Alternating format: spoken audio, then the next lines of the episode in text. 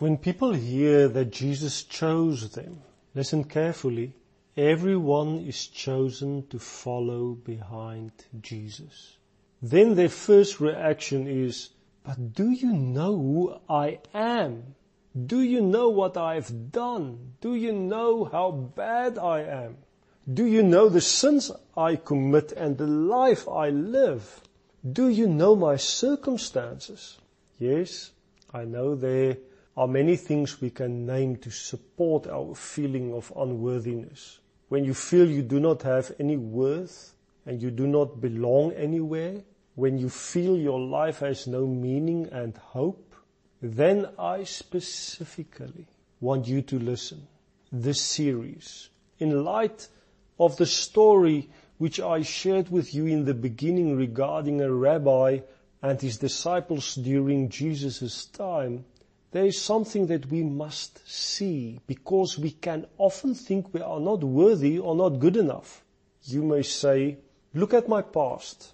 I'm not trained. I haven't advanced in education. But I hope you remember from the story that even though in general the disciples had to be these highly educated people. It was not so for Jesus.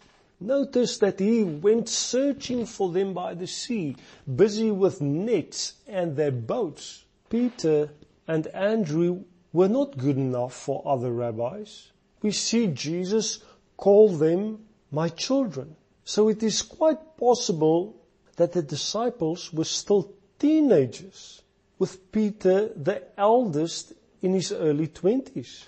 I will say more about that later. But that also gives us another picture because in general, we tend to look down on young people or children. We think they don't know about spirituality or we cannot trust them with too much. They are still incompetent and unqualified, but not according to Jesus.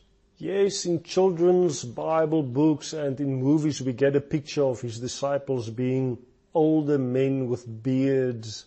But step away from that because according to the culture, the context of a rabbi and his disciples in those days, disciples were always young men and later even young women from about 15 to 20 years old.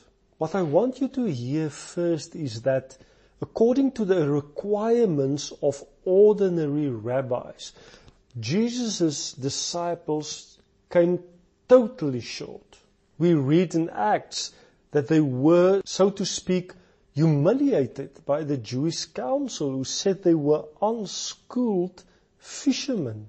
No, they were not good enough according to the standards of the society of the time. They were just ordinary people, just like you and me. But Jesus looks at us differently. He looks differently at you today and he says, come follow me. It does not matter who you are. It does not matter what you think about yourself. Therefore, I want to remind you here again. If you think you belong nowhere and that you are worthless, incompetent, Whatever your feelings, go and rediscover your identity. What Jesus already did for you. The finished work he did on your behalf and his thoughts about you. And then we just have to follow him.